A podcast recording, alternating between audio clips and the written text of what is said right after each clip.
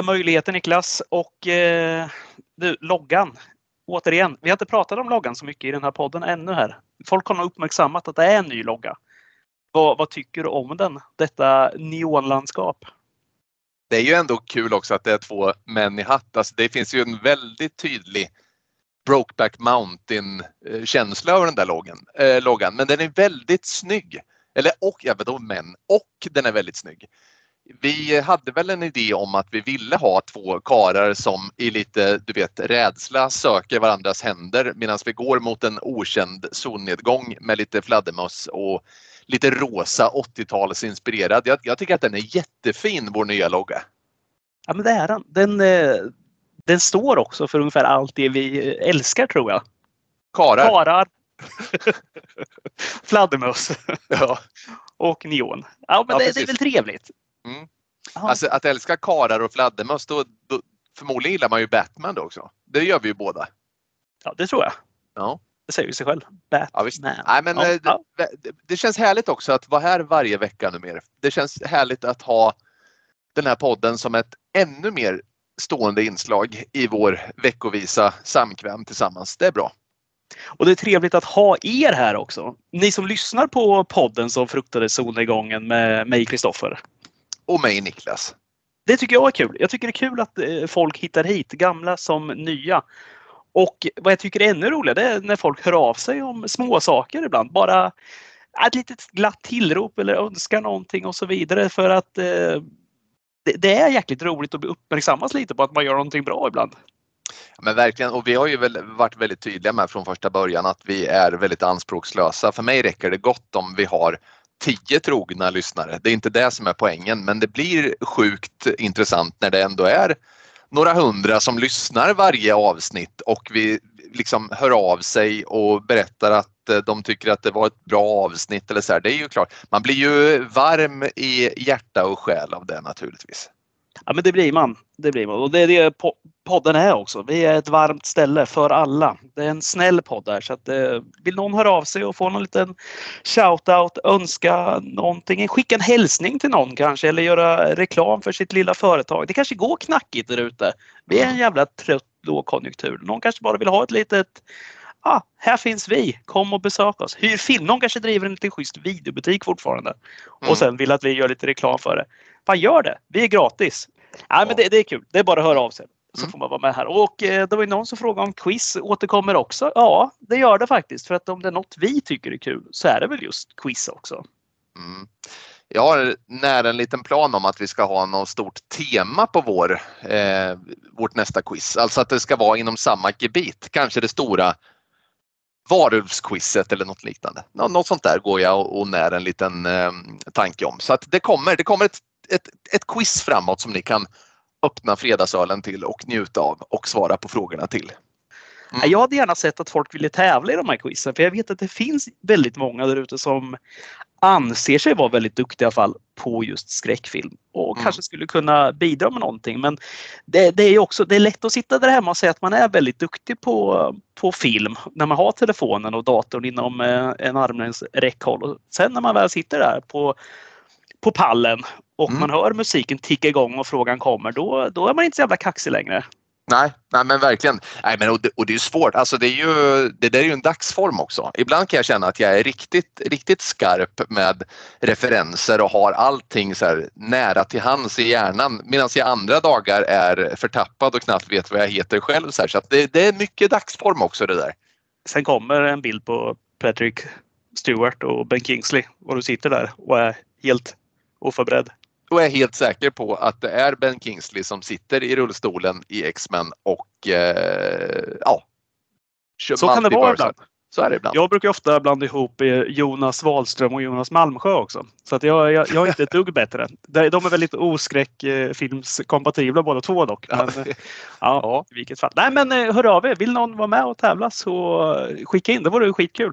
Och eh, så fixar vi ett tema också. Det vore Mm. gött.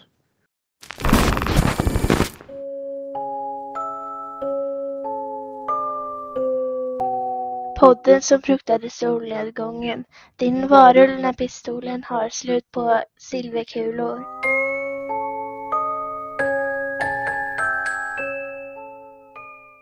Då är det så. Och eh, idag ska vi ta en fråga. Jag vet inte, har du hunnit se någonting? Jag vet att du har sett någonting.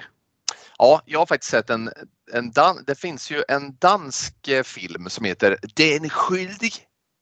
Det handlar om en eh, sån här, eh, han jobbar på en larmcentral. Va? Han är ju en gammal polis som jobbar på SOS Alarm fast i Danmark då och mottar ett samtal ifrån en kvinna som är kidnappad.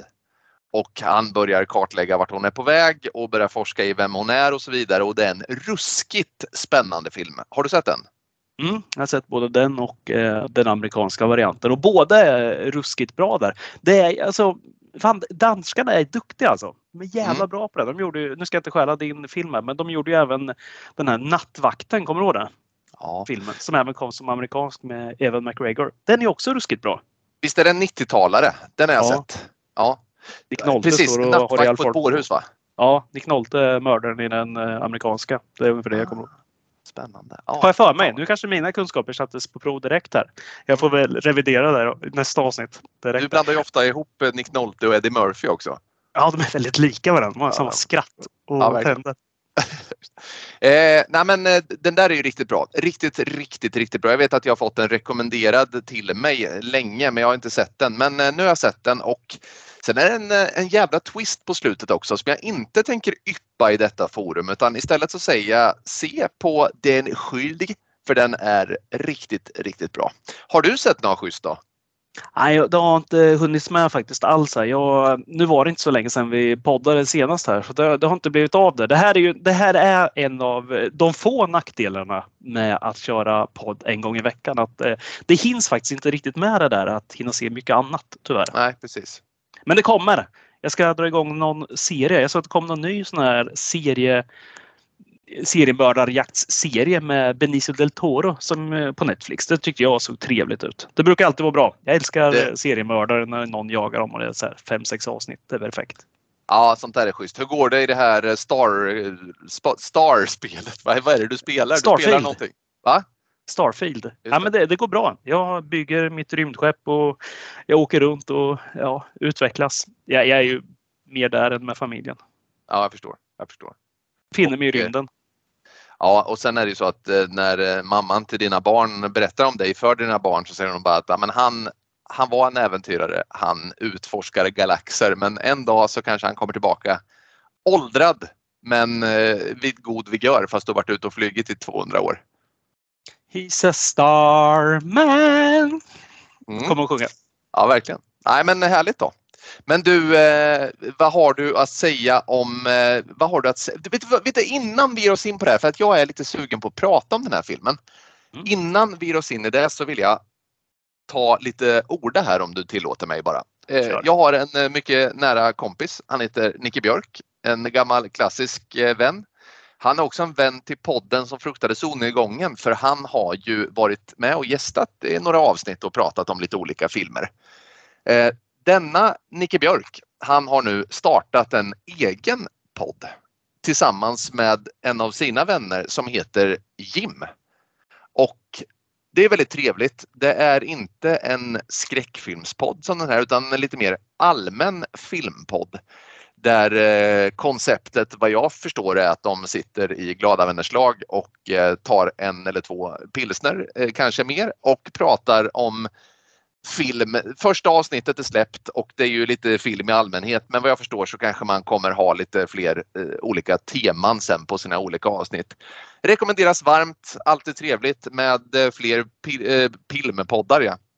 Filmpoddar, eh, vi sprider oss som ett eh, som ett trevligt kärleksfullt virus över jorden i, denna svåra tid som vi ser runt om i landet numera. Så att eh, lyssna gärna på den.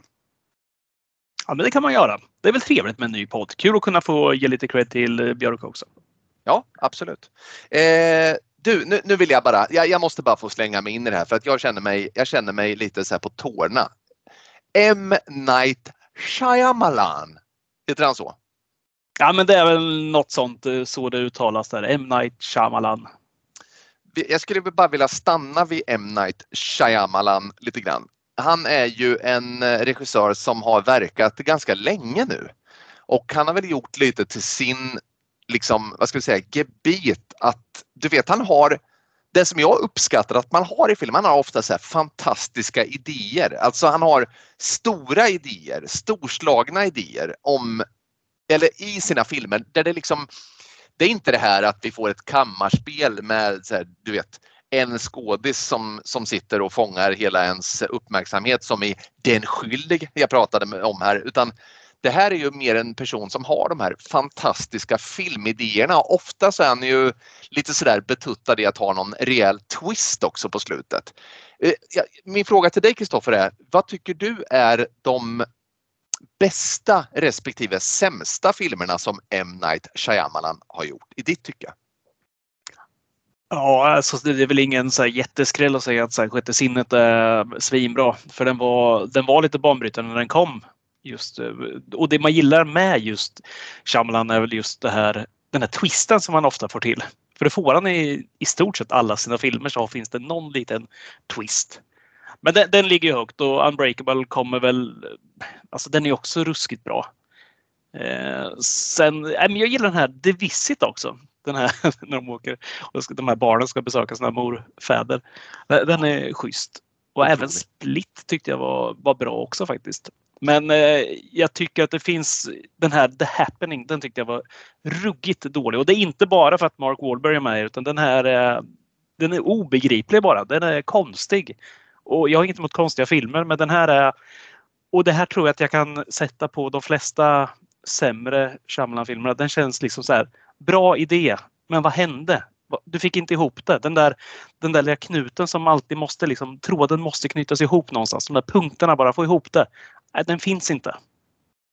Själv då? Har du någon sån här Känner du att det är någon annan som sticker ut där?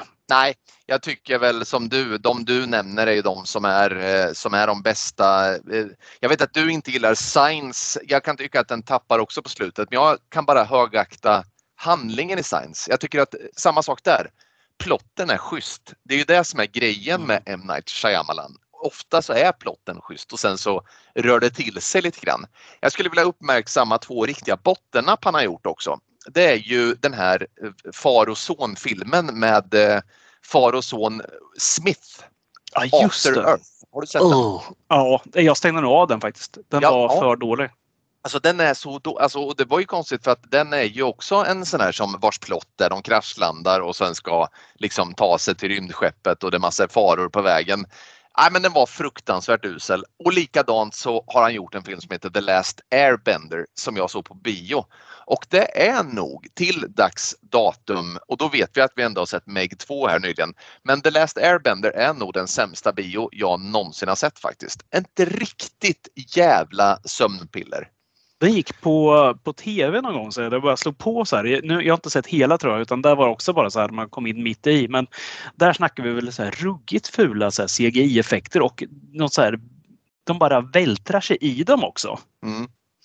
Och det är ju någon form av, du vet, en sån här tai chi, alltså det läste här, de står ju och samlar någon form av kraft via så här tai chi rörelser men det är inte mycket annat man gör i den där filmen. Alltså det, det, det var, det var konstigt händelsefattig för att vara just M. Night Shyamalan. För är det någonting man kan säga om honom så är det sällan brist på att det händer grejer utan kanske snarare då att det händer lite för mycket på kort tid utan liksom att det känns så genomtänkt alla gånger möjligtvis. Då. Men, men den var istället ett sömnpiller, jag vet inte vad det där var. Och, och sen kom ju After Earth strax efter där.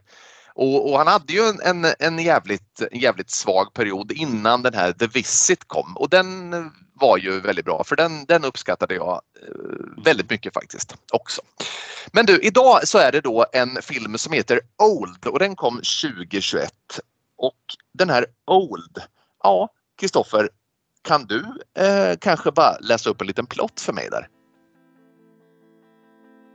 En familj på fyra åker iväg på semester till en mer exotisk plats än brittiska Leicester.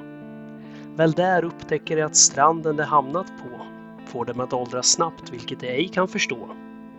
Nu blir det snabbt väldigt akut, då varje millisekund är som en minut. Tillsammans med ett gäng andra turister måste de behålla lugnet innan det uppstår konflikter. Tack så mycket Kristoffer. Old alltså. Det är ju, det är ju spännande och, och um, ja, rollerna. Eh, det blir, ju, det blir ju mycket fokus kring det här gänget som eh, befinner sig på ja, den här mystiska stranden då naturligtvis. Men jag skulle bara vilja stanna lite vid den här eh, svenske skådisen. Han är ju inte med på stranden men man får säga att han är i alla fall central för handlingen framåt. Han heter Gustav Hammarsten, känd bland annat ifrån Tillsammans. Ja, Bruno tillsammans va?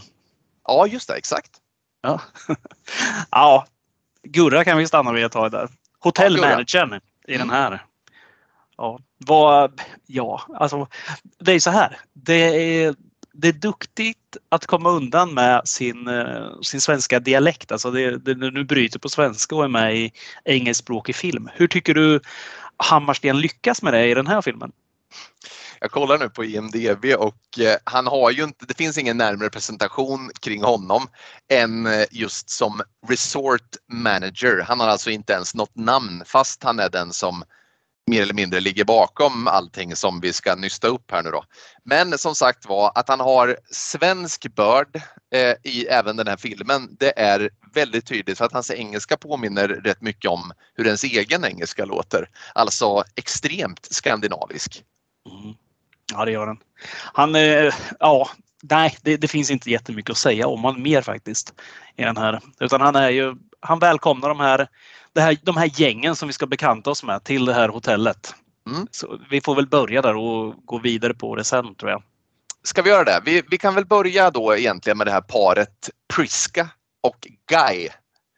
Det är ju ett par som har, ja men vi, det, vi kan börja med dem, de har ju två barn också, men vi börjar med det här paret. Ett par som är på gränsen till ett uppbrott. Eh, om vi börjar med Guy så är ju han ett, eh, någon form utav, eh, ja men han jobbar som försäkringsstatistiker. Alltså han räknar på hur stor risken är att råka ut för olika saker och sen bestämmer man ju då försäkringspremien utefter den här statistiken då som han presenterar. Och, Vänta, kan eh, vi stanna där bara? Vill du Ja, berätta, jag skulle, berätta, berätta om ett sexigare jobb än just den biten som du just berättade om? Nej, det är fruktansvärt och, och jag, alltså jag, jag vet inte. Det är klart att det här jobbet finns ju naturligtvis. Nu är det säkert ett väldigt så ja, jag kan tänka mig att man gör någon form av liksom algoritm över hur många som anmäler viss typ av skada och sen så har vi så här, men han, han är ju en sån person som baserar hela sitt liv på statistik och han, han, han när han presenterar sin statistik så är det också på en sån nivå att det blir liksom inte trovärdigt att man ens som en sån statistiker skulle prata så som han gör. Alltså vad han än gör så, så tar han upp liksom, ah, men det här är alltså 0,2% risk att jag snubblar på den här tröskeln och bryter tånageln. Vilket i sin tur gör att de här skorna skaver på ett sätt så att jag kanske kan få tillbaka skorna. Ja, Du vet, det, är liksom, det, det är inte trovärdigt. Men, men det är vad han gör. Det, det är vad vi vet. Vi liksom får att anledningen till att den här skilsmässan ska komma upp är ju att någon oförrätt har hänt där ska vi säga. Men jag kan också tänka mig att Guy är rätt tråkig att leva med, tror du inte det? Eh, jo, det tror jag. Det är kul att du nämner det för att eh, det, här snackar vi ju någonting som det här är skoj bara tryckas in det här med att han kan det här, hur han är som person med den här statistiken och allting. Och det där är ju den här röda tråden vi har i den här filmen. Vi kan redan ta det här för att alla karaktärer vi kommer möta presenterar sig givet med sitt namn och vad de jobbar med. Mm. Nu, nu kommer vi komma till i vilken situation de träffar varandra. Men det är som att jag skulle gå på stan och träffa en helt eh, främmande person och säga så här, Tja, Kristoffer heter jag, jobbar med att sitta i telefon hela dagarna. Det är, liksom, Mm. det är helt orimligt att du skulle säga så här, att det är så du... För det, hans, vi kommer in på henne nu då. Frugan här, Priska. Mm. Som också så här, ja men eh, hon, hon jobbar inte som statistiker. Hon, hon, hon, jobbar på något gammalt museum va? Som någon så här Ja. arkeologliknande, ja, typ va? Ja, ja men visst, precis. Ja. Och det är också så här, hon kan ju också göra de här bedömningarna. Om han är, ska gå igenom sin statistik där så kan hon göra exakt samma sak fast vad det gäller just arkeologi och benets förruttelse och så vidare. Precis, det är, det är ju det första då. Utifrån hur liksom, vad handlingen är, du har ju berättat här nu vad, vad handlingen är lite grann i den här filmen. Men, men det är också så här, det, det känns på något sätt icke trovärdigt att de är så skräddarsydda för det de ska råka ut för. Hon har ju full koll på hur eh, liksom en, en nedbrytningsprocess av den mänskliga och icke-mänskliga anatomin funkar och han kan presentera lite sannolikhet och sådana saker. Det känns så konstigt bara att de är. Ja, det är krystat. Jättekrystat där. Det är ja, det är jättekrystat. För att eh, mm. det vi också ska gå in på Priska här, hon har ju någon slags tumör alltså, eller någon sjukdom som de pratar om här i början, vilket ska vara, ligga till grund för den här eventuella eh, skilsmässan eller uppbrottet som de ska ha. För att en separation är ju, det står ju på Next där och vänta ja. bara efter ja, den här resan som de är på. Men de har ju två eh, kids också. De har Maddox, dottern som är 11 tror jag hon är och så mm. har vi Trent som är sex år. Precis. Och om vi fick det upptryckt i ansiktet innan här vad de här föräldrarna är bra på att jobba med så det tror jag är det första vi har här med Trent. Att han är väldigt bra på att komma ihåg namn och vad folk jobbar med. Mm. För det här är ju väldigt viktigt uppenbarligen för filmen så att redan alltså i början här, alltså, det, det är liksom vi får ju veta att han är väldigt bra på det här. Och alla måste presenteras med den här. Det här gör ju filmen på ett, på ett ganska kul sätt också. Att han går omkring på en strand och sen frågar alla vad de heter och vad de jobbar med. Mm. Kanske en svaghet i att man inte lyckas presentera det på något annat sätt via tillbakablickar eller liknande. Ja, jag kan tycka att man kan lösa sånt där på ett annat sätt. För det blir lite långdraget när han ska gå och fråga alla. Vad jobbar du med och vad heter du? Det är lite så här, hade jag skrivit en bok när jag var sex år, ja då kanske man hade kommit på den här lösningen. Men M. Night, hallå, du har gjort filmer innan. Ja men verkligen. Och det, är inte, det här är ju inte liksom ja, men vi kommer nog återkomma till det löpande här nu men det är ju väldigt mycket som, som är jävligt ytligt gjort.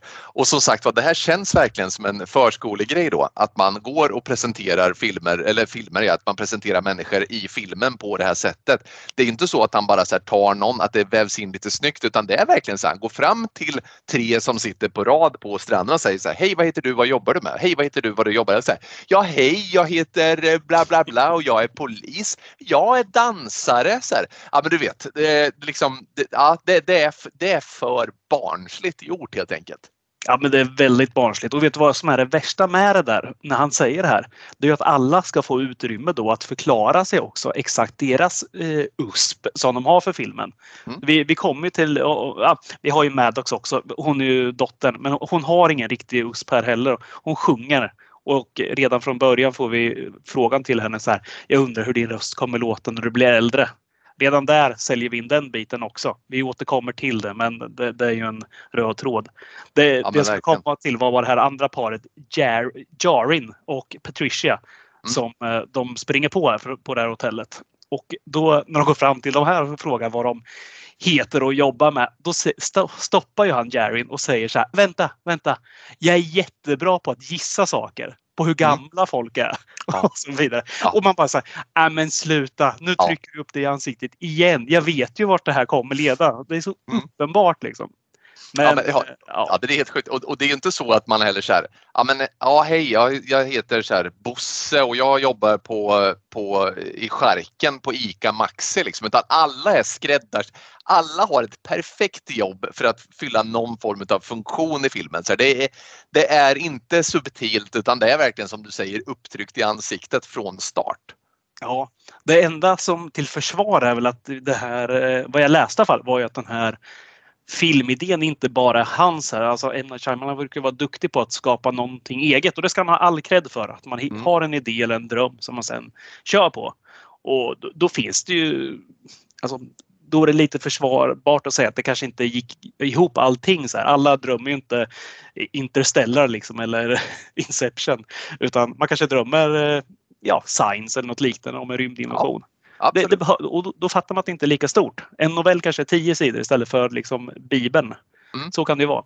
Men det, ja, och, och, då går det inte ihop. Men i det här fallet var det baserat på en serietidning vad jag läste. Mm.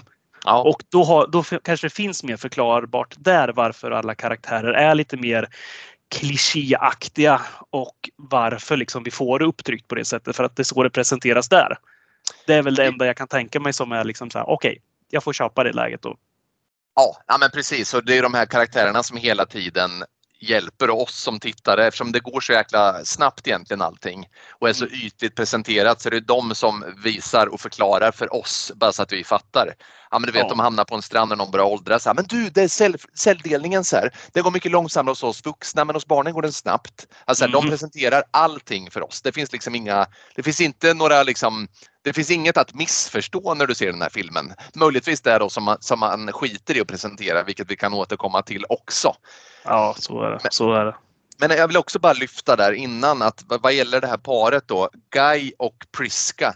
Ja, men alltså, filmen är också övertydlig när det kommer till att du vet vad fokuset är. För att redan i resan till den här resorten så börjar man prata om vikten av så här, ja men hon börjar så här när dottern sjunger, Maddox där sjunger någon liten sång så här, åh Gud vad du sjunger fint säger mamma. Jag bara är så här, nyfiken på hur din röst kommer låta när du är vuxen, så här, vad som har hänt med din röst då. Och att fokus hela tiden ligger på framtiden Ja. och då fattar man direkt att men det här kommer vara, det här kommer vara någon så här, du vet, eh, pastisch på att eh, vi borde leva mer i nuet och ba ba ba så här. Vilket vi bör göra såklart, men filmen presenterar det på så ett jävla övertydligt sätt.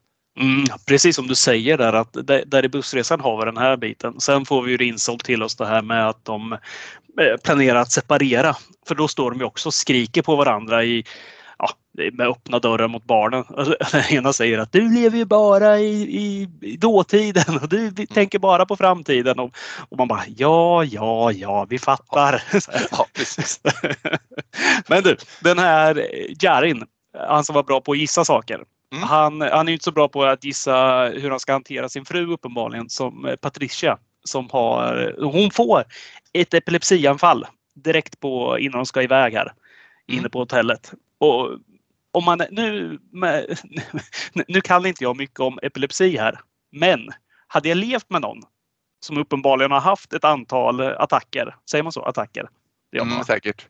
Ja. Anfall, Eller anfall, kanske. anfall säger man Mm. säkert. Då, då hade jag nog vetat ungefär hur man skulle hantera det. Jag hade inte stått som han gör, som står och bara tittar. Och sen, ja, dör hon så dör hon lite, känns det som. Ja. Eh, Och, men eh, ja, till slut så lyckas ju en doktor i alla fall komma fram där. Vilken tur att de har en doktor ändå. Som, Ja, det är klart de måste ha det. Ja. Och där får vi väl insålt den här sista familjen då. Den här Charles, Crystal och Cara. Charles är ju han är ju både hjärtkirurg, chefsläkare och en ganska bestämd sån här. Han dyker upp där och kan rädda upp situationen i alla fall. Det är inga konstigheter. Charles, det är väl kanske filmens stora skådis. Det är ju Rufus Sewell som dyker upp. Han gillar jag. Han brukar vara en sån här cool snubbe. Eller cool och cool, han är ganska så här, iskall. Han är alltid så här, cynisk och jävlig. Ja, han har ju lite det där utseendet också. Alltså han, eh, han är ju, han skulle vara ypperlig på att spela seriemördare exempelvis. Ja, det tror jag han har gjort i några filmer också. Men han är ju framförallt så tycker jag han är väldigt bra i den här gamla klassikern Dark City. Jag Mm. hyllade eh, The Crow här om veckan och det är samma regissör där. Där är han ball. Och han är även skurken i En riddares historia med Heath Ledger. Den är, Härlig film. Mm. ja, den är faktiskt väldigt härlig.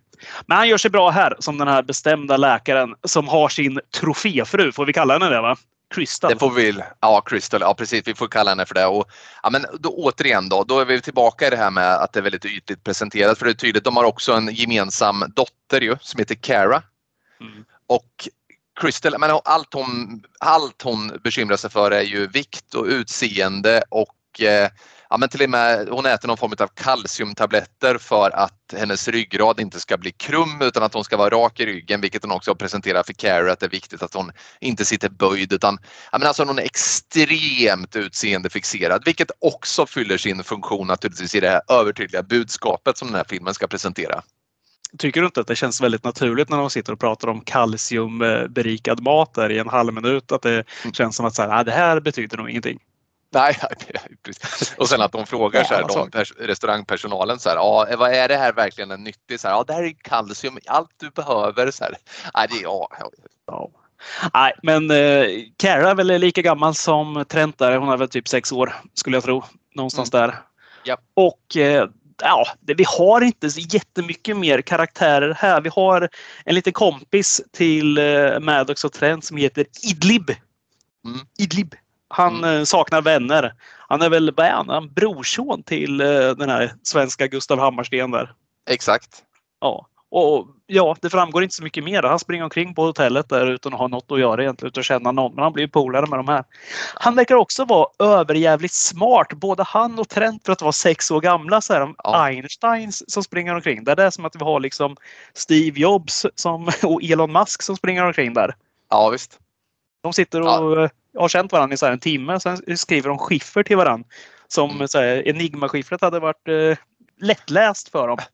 Ja. ja, men de är smarta som tusan. Sen har vi ju, det ska också sägas att eh, det vi får se i början är ju att det är någon form av rappare också på den här ön som heter Midsized Sedan.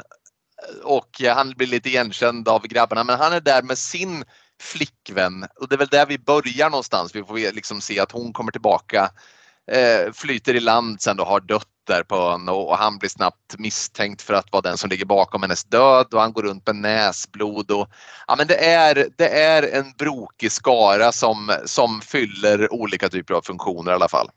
Mm. Alla de här hamnar ju på den här de, de får ju veta liksom allt är ju fullbokat och de, alla de här aktiviteterna man kan göra på hotellet. Det, äh, det passar inte alla så istället får, blir de insålda på att ta sig till den här stranden. Där Mm. vi ser att den här rapparen då, Midsize Sedan har suttit innan. Mm. Och eh, alla kommer dit på olika sätt. De går ut på stranden. Sen är de fast. Sen är de fast. Och, men du, och ska vi, det är väl egentligen för oss in på liksom, omständigheterna här. Vad tycker du om den här stranden och vad tycker du om klipporna runt omkring och vad tycker du om eh, miljön här helt enkelt?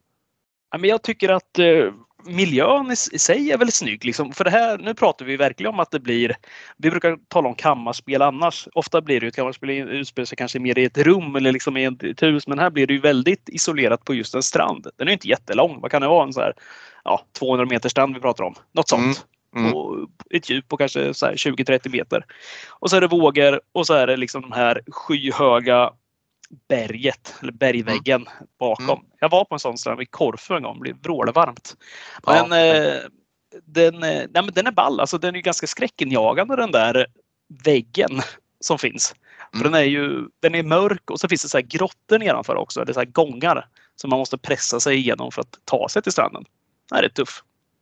Men jag tycker också man får så här känslan av att det är ungefär som att folk, du vet, är, är fångade i bergväggen, eller hur? Det ser ut som att det är folk Mm. som försöker ta sig ut så här, som har liksom förstenats eller någonting. Det, är nästan, det var det jag trodde i början på något sätt att det är, att, att det är någonting sådant som sker. Men nej, det är nog bara att den har liksom en, en hotfull estetik den här bergväggen. Mm, ja men så är det ju. Och det finns ju de här, ja vi kan väl gå in på det redan nu. Så man, man ska ju inte försöka springa tillbaka från den här stranden. Tillbaka genom de här grottorna eller gångarna igen för att nej, det går inget vidare. Då vaknar man upp med minnesförlust eller blackoutad på stranden igen. Ja, precis. Och, och man kan inte, och, och vattnet, alltså det är ju, man försöker ju simma därifrån också. Eh, och det är ju en dålig idé för att hur man än gör så kommer man tillbaka flytande in mot land.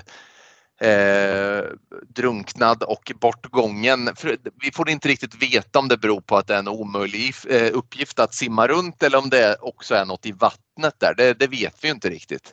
Nej. Och anledningen till att man skulle vilja fly ifrån den här stranden, för det är ju en paradisstrand, det råder ju inget tvivel om egentligen. Alltså rent utseendemässigt så är det ju vackert som tusan. Mm. Mm. Men eh, det är ju just det här att de märker ju att här åldras ju folk mycket snabbare. Jag tror vi får reda på det att det är väl för varje halvtimme så blir du ett år äldre.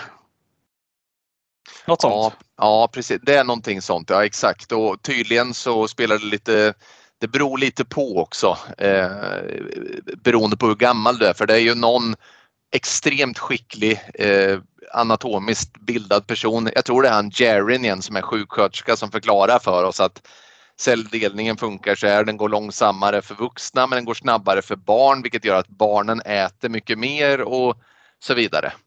Mm. Ja men det får vi se där för när de blir utskickade till den här stranden så får de ju med sig jag vet inte, det är ju inte en picknickkorg de får med sig. Det är snarare så här en truck full med mat som de går och också beklagar sig om. Varför får vi med oss så mycket mat? Och sen Ja. går en halv minut och diskussion om den här maten. Det, det blir väldigt övertydligt där också. Att det är Ja, precis. mat. Att det fyller en funktion. Ja.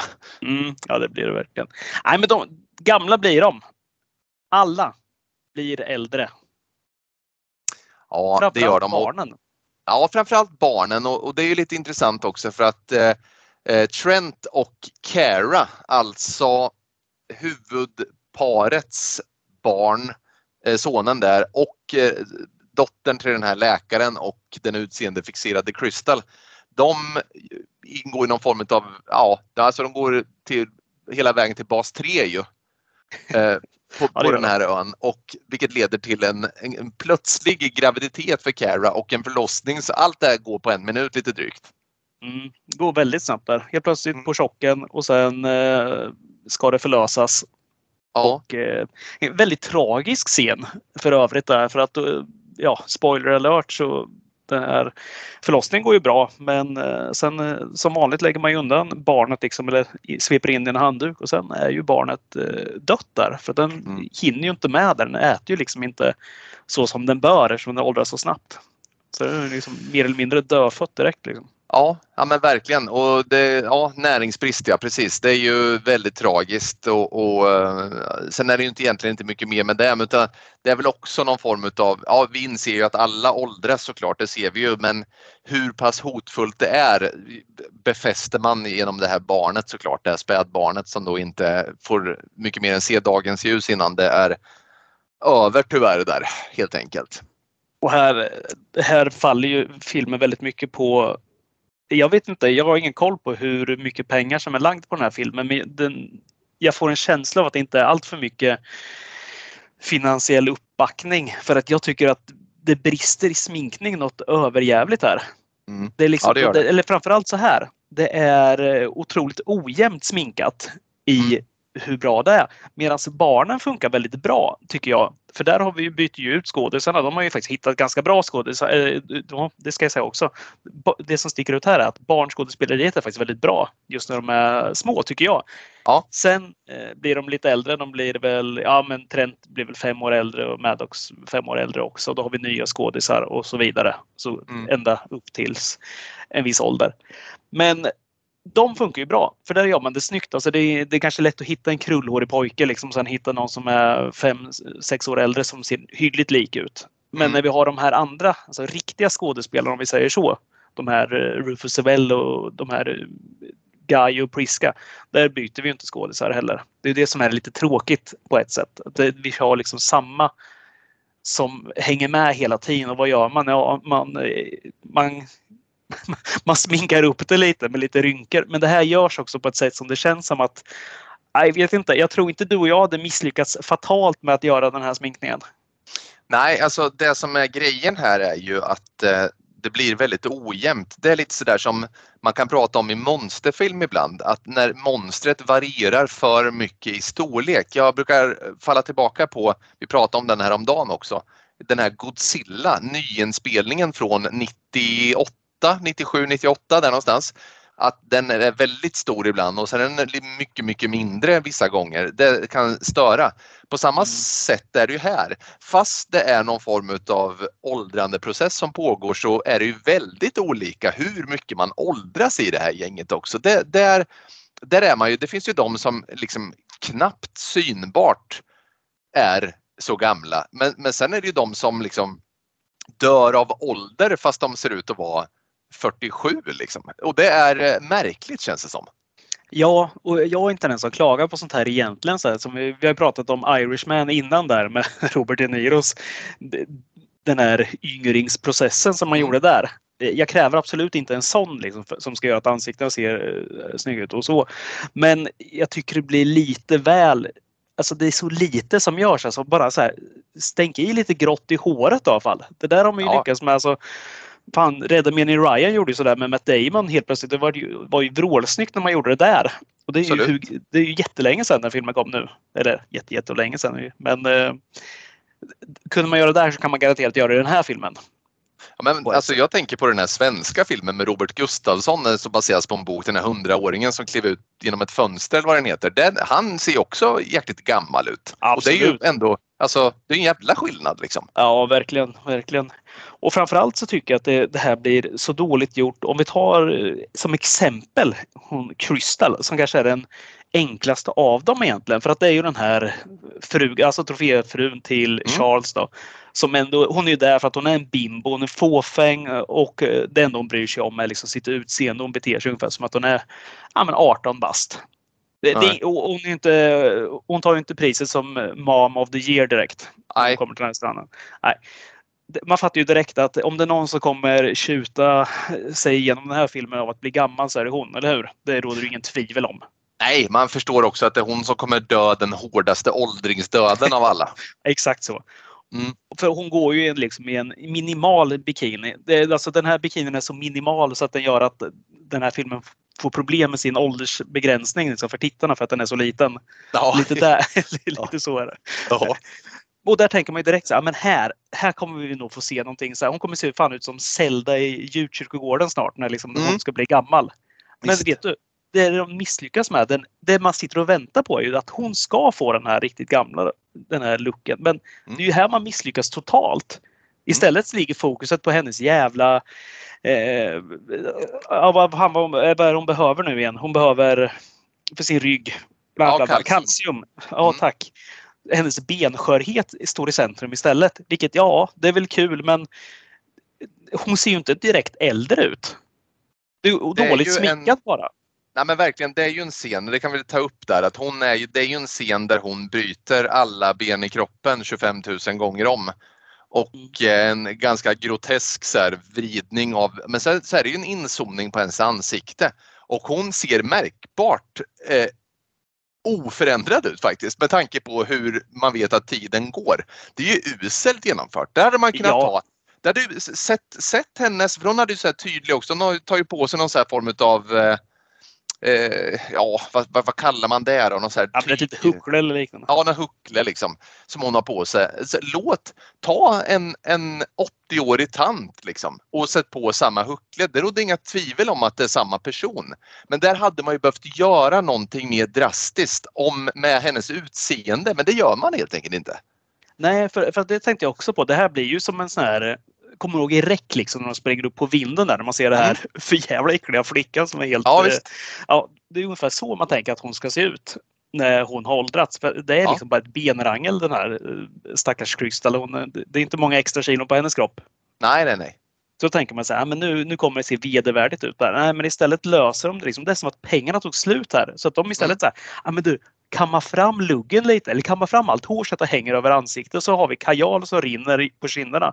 Det finns Ja. inget annat försök till att göra den gammal. Men jag tittar också på, jag såg, var tvungen att titta på IMDB också för att jag kände lite som du precis samma sak gällande just att, att det här måste vara en extremt låg budget. Konstigt med tanke på att det är M. Night Shyamalan.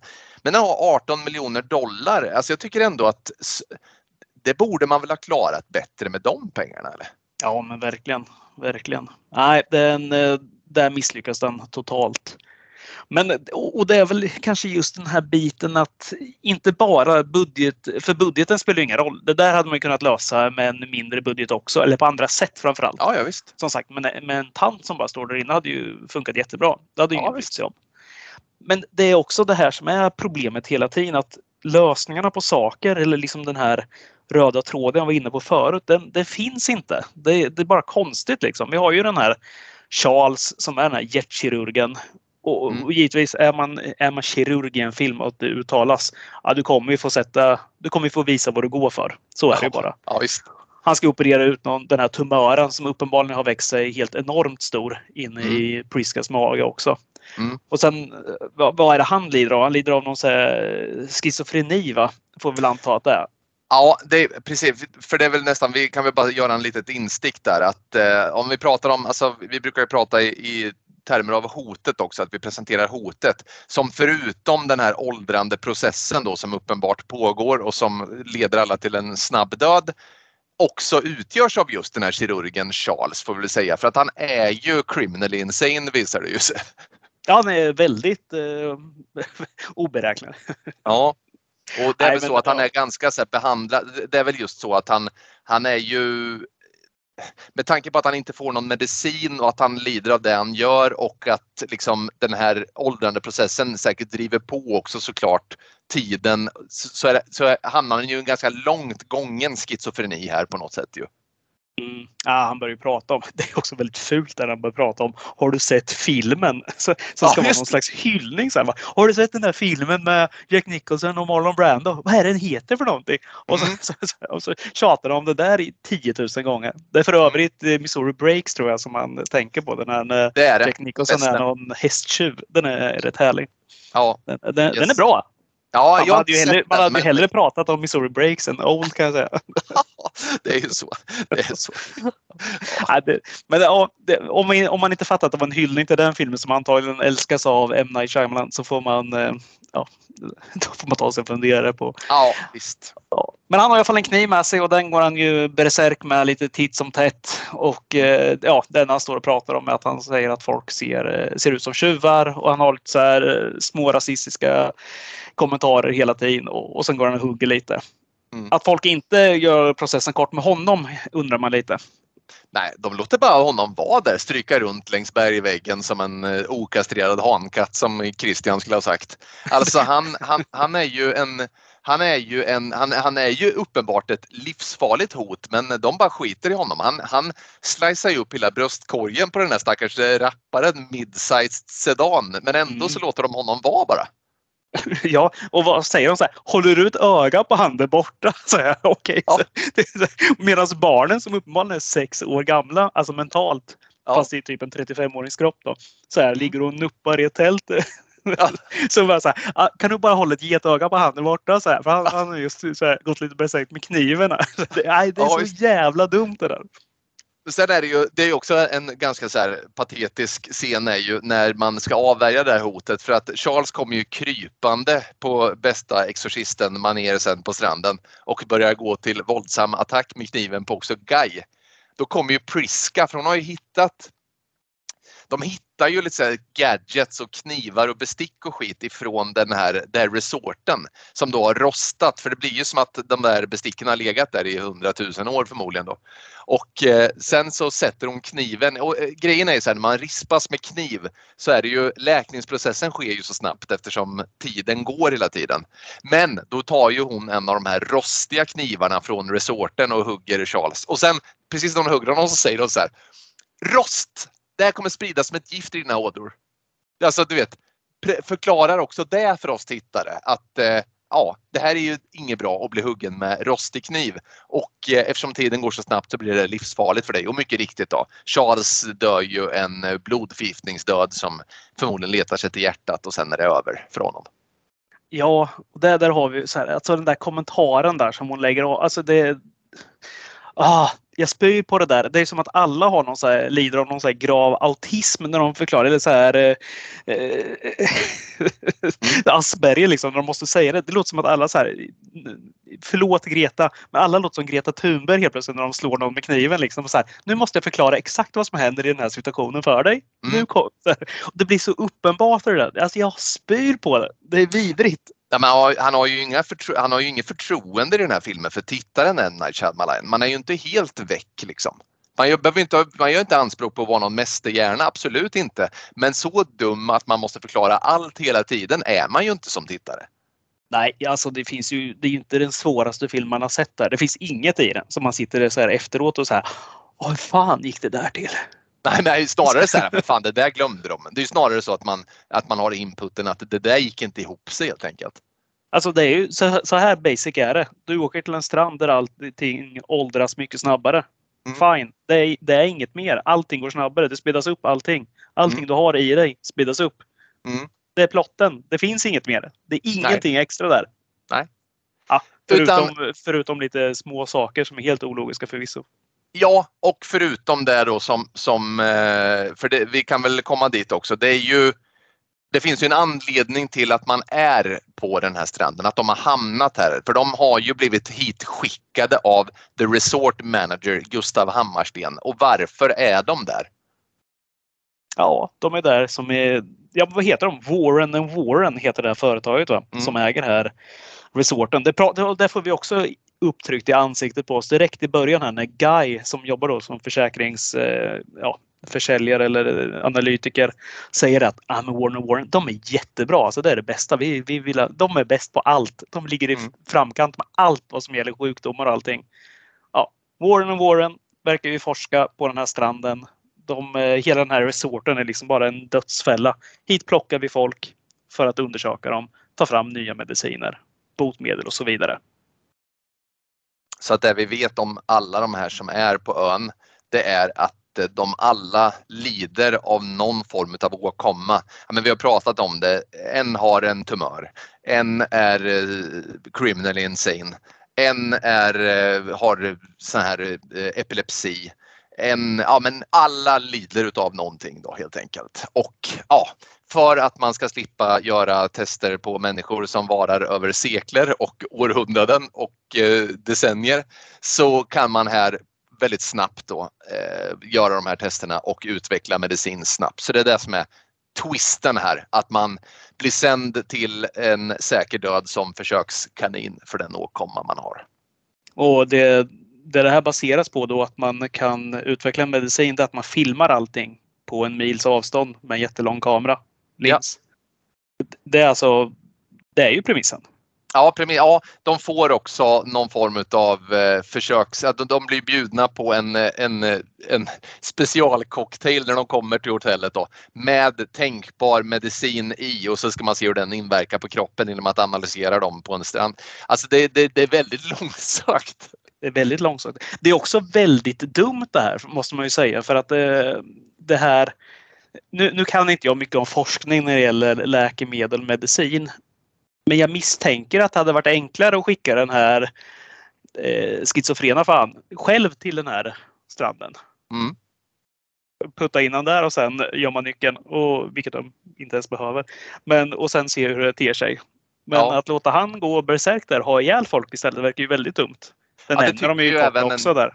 Ja precis, det tycker en medarbetare på Warren och Warren också att det, det, det var lite onödigt att skicka en criminal insane att slicea upp folk på, på. Ja.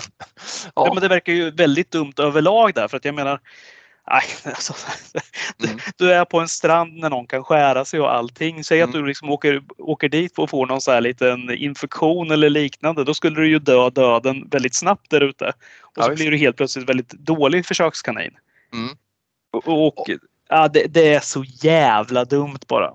Ja, och, jag har ju en till fråga gällande det här. Hur vet Warren och Warren att det funkar exakt så här på den här stranden? Nej, det tänkte jag också. De måste ju bara ha sett det där på något sätt. Att någon har Ja, men hur där har de gjort det då? Med sina kameror. Ja, men alltså, har, varför de, de, har väl stått och filmat där någon gång. Den där men har alltså, det sett det blivit... För, för det, finns ju ingen medarbetare som bevisligen kan åka dit och få veta det och sen komma tillbaka hem. För det går ju inte att komma därifrån. Nej, det var ju det jag tänkte att de måste ju dit och hämta upp de här kropparna liksom, för att kunna undersöka allting. Men det faller ju också eftersom då skulle alla Absolut. medarbetare dö direkt eller i alla fall bli väldigt gamla snabbt. Ja, för, för att den som, för det, det, det grejen är så här, det kan vi ju säga att det är ju, det är ju Trent och Maddox, alltså syskonparet till Guy och Priska, de tar sig därifrån för att de har fått med sig ett så här skiffer, du vet en så här mystiskt meddelande ifrån den här andra ungen på ön. Och eh, som då indikerar att de ska ta vägen över korallrevet. Och det gör de och, och då, då kan man klara sig. Så att de måste ju på något sätt ha hittat den vägen då. Men varför har de, hur har de hittat den vägen? Vem har berättat om den vägen? För den måste ju också ha åldrats. I, alltså grejen är att det är inte färdigtänkt det här. Ja, men det finns ju inget som säger att varför skulle du kunna simma genom ett korallrev och så skulle det bli så här. Det, det, är, bara, det är så jävla dumt. Det, det finns ingen logik i det där. Nej det gör det inte. Ja, man tänkte ju så här att det är så här, ja, men okej, jag köper att det inte går att så här, naturen har något slags skydd där. Att du, så här, du kan inte gå tillbaka genom den här gången. De, de drar någon liknelse mellan så här, när, du, när du dyker och sen stiger upp till ytan. Liksom, då får den där dyka sjuka och dör. Mm. Eh, Och det kan jag köpa. Det, det, Mm. det är dumt, men jag kan köpa det ändå.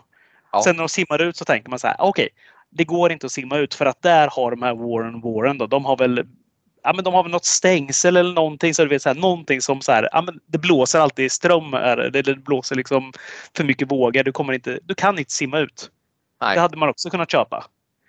Men nu ska du simma genom ett korallrev. Och vet du vad det absolut värsta här är? När de simmar ut där, det här, det här syskonparet där, Trent och Maddox. Mm. Då står det ju de, den här, eh, ja det är ju för övrigt M. Night Shyamalan själv då, som spelar den här busschauffören, han som står och filmar dem hela tiden. Exakt. Han, han står ju där och är som någon slags observatör. Och så säger han så här. Nej, det är lugnt. De tog sig till korallrevet. Jag vet inte hur de lyckades ta sig dit. Men jag stod och kollade på dem i ungefär en och en halv minut där. Det verkar, det är lugnt. Så, här, okej. Och så sa jag, då satt jag med min, min sambo och sa så här. Men vad var det som var en och en halv minut där? Vad var det som gjorde att så här, de inte skulle kunna kommit ut? Nej, men Ja. nej, det, nej. Och de har ju bara så här gått upp och tagit luft en gång och sen simmat ut. Ja, ja, var, Ja, men- eller ja, missar jag något här? ja. Nej, men så är det. Så är det. Men, och, Varför, kunde, men, varför stod han inte bara i två minuter eller tre minuter som en annan? Så här? Hade du dränkt någon så står du ju inte och väntar så här. "Ja, jag väntar en, en 15 sekunder och äh, så, så gick jag. Så här. Om du, Ja, alltså, han, antingen så här, folk har ju fått gå från sina poster för mindre än vad M. Night Shyamalan skulle få sparken för här. Han är absolut. oduglig observatör. Ja, han är oduglig. Ja. Men, men sen är det ju också så här då, min, min då, huvudfråga här. Det är ju att uppenbarligen för att Trent och Maddox är, jag tycker de är väldigt otydliga med att presentera om de i sin hjärna fortfarande är barn och har vuxna kroppar eller om liksom hjärnan kommer ifatt på sätt och vis också. De berör det lite i filmen men i ena sekunden så vill de ju uppenbarligen bygga ett sandslott fast tiden går och de har bråttom. Eh, vilket en vuxen förmodligen inte hade prioriterat om det inte var så att man hade ett barn med sig. Eh, och andra sekunder så är de rätt jäkla, vi har ju pratat om att de är rätt jäkla begåvade för att vara barn förvisso. Men det finns ju ingenting i övrigt i deras beteende som på något sätt skulle indikera att de inte är vuxna. Det här gör filmen också väldigt svagt tycker jag. Presentera vad som är, vad som är, vad som gäller egentligen. Ja, det- ja, det är så dumt. Och, och om man inte fattar det sen i, i början av filmen när den här eh, Trent går och frågar alla på hotellet vad de jobbar med. Mm. Och han lyckas då springa in i en kille. Det här är också en röd tråd direkt. Så det, och det krävs ju ingen hjärna heller för att förstå. När han går fram och frågar någon så här, vad jobbar du med? Vad heter du? Ja, men jag heter, ja, fan kan han heta? Colt och jag jobbar som polis. Såklart. Åh fan, så den där, du lär inte återkomma någon gång i, i filmen. Det fattar ju vilken. Och sen när de ja, kommer tillbaks här som 35-åringar eller 50-åringar är de till och med. Mm. Och bara, då, då fattar man ju så här, ja, men vem går och rapporterar det här till? Ja, men det är polisen direkt då. Ja. Vad som har hänt. Och det är också på så här, hur fan det ens går ihop sig det här. Alltså hur Ja. den tror på det här eller någonting. Det är så jäkla dumt. Ja. ja, men verkligen. Och med sig då så har de ju en lista över alla gäster som har försvunnit ifrån eh, hotellet och allting och polisen kan börja nysta i det. Det går jävligt snabbt från det att de säger till polisen att så här är läget tills att hela, hela ridån faller där för Warren och Warren-företaget. Men det är som det är, Kristoffer. Men du, finns det någonting då som är eh, värt att eh, berömma tycker du i filmen? Ja, jag var inne på det lite kort där. Alltså jag tycker barnskådespeleriet är bra. De är charmiga och de är duktiga. Liksom. Det, är, det är inget fel där. Och, eh, karaktärerna, alltså de är ytliga, de är klichéaktiga, så här, men de är ändå så här. Han är duktig på att få ihop ett gäng karaktärer som ändå sticker ut tycker jag på något sätt Mm. som ändå får till det. Men det är hafsigt gjort. Där. Det är alldeles för hafsigt. Men det han är bra på, den goda M. Night Shyamalan, det är faktiskt kamerarbetet som jag tycker är snyggt. De, de har det några gånger. Hur, hur mycket den blir kastat i ansiktet på dig och övertydligt den är så måste det berömmas lite. För han har någon gång när hon Priska, hon förlorar ju hörseln på ena örat för att hon börjar bli gammal. Och, då, och så har vi lite här att han filmar det så här när hon sitter mot vattnet och då försvinner ljudet. Det är Mm. ganska snyggt tycker jag. Mm. Och det, vi har även den delen när barnen faktiskt blir äldre. Precis innan vi har sett att de har blivit äldre. Mm. Så filmas det mycket bakifrån där. Och så går de fram till den här Jarin där som ska som säger att han är så jävla duktig på att gissa på hur gamla folk är. Det är också Mm. rätt snyggt där, för kameran väntar lite och sen börjar den snurra runt sig lite halvt. Innan vi liksom, den, den går bara 180 grader istället för 360. Så Ja. vi ser liksom bara från sidan lite grann och vi kan inte så här tyda, är de verkligen gamla eller inte? Så här. Och så leker han rätt mycket med det. Även att folk kommer krypande som den här eh, Charles gör också på stranden. När Mm. har blivit blind. Det är ganska mycket sådana. Jag tycker det är ganska lekfullt och och Mm. jag tycker det är ett ballt sätt. Han är, han är duktig på den biten.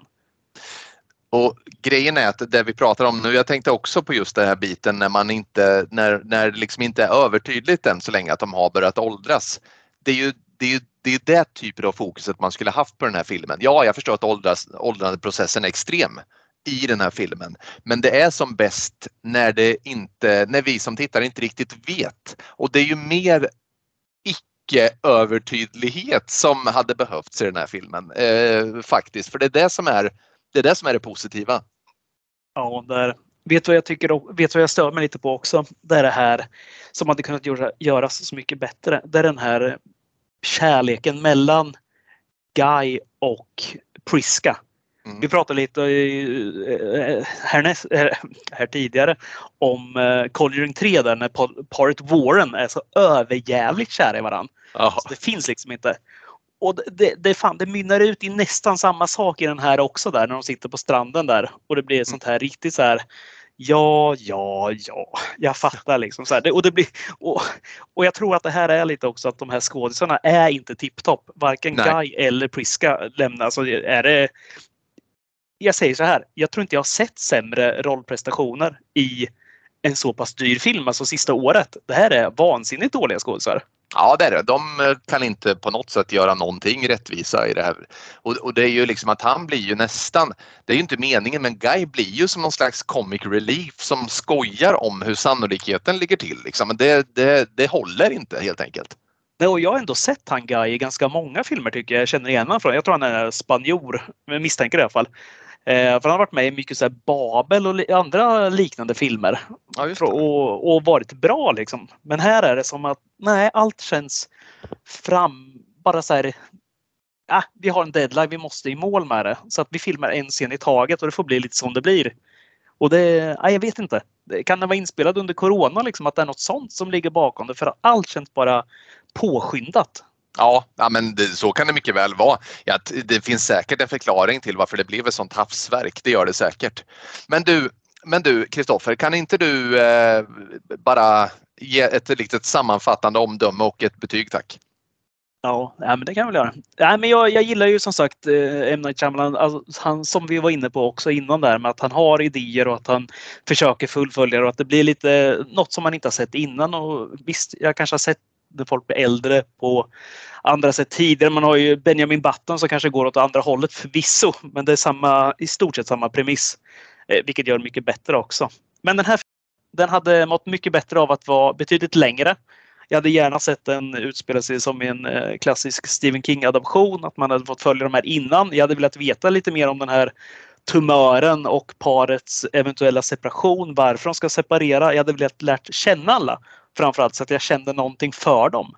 Det, det, gör jag inte nu. Det är en typisk sån film att jag önskar att alla strök med här. Jag önskar att alla blir gamla och dör på den där stranden.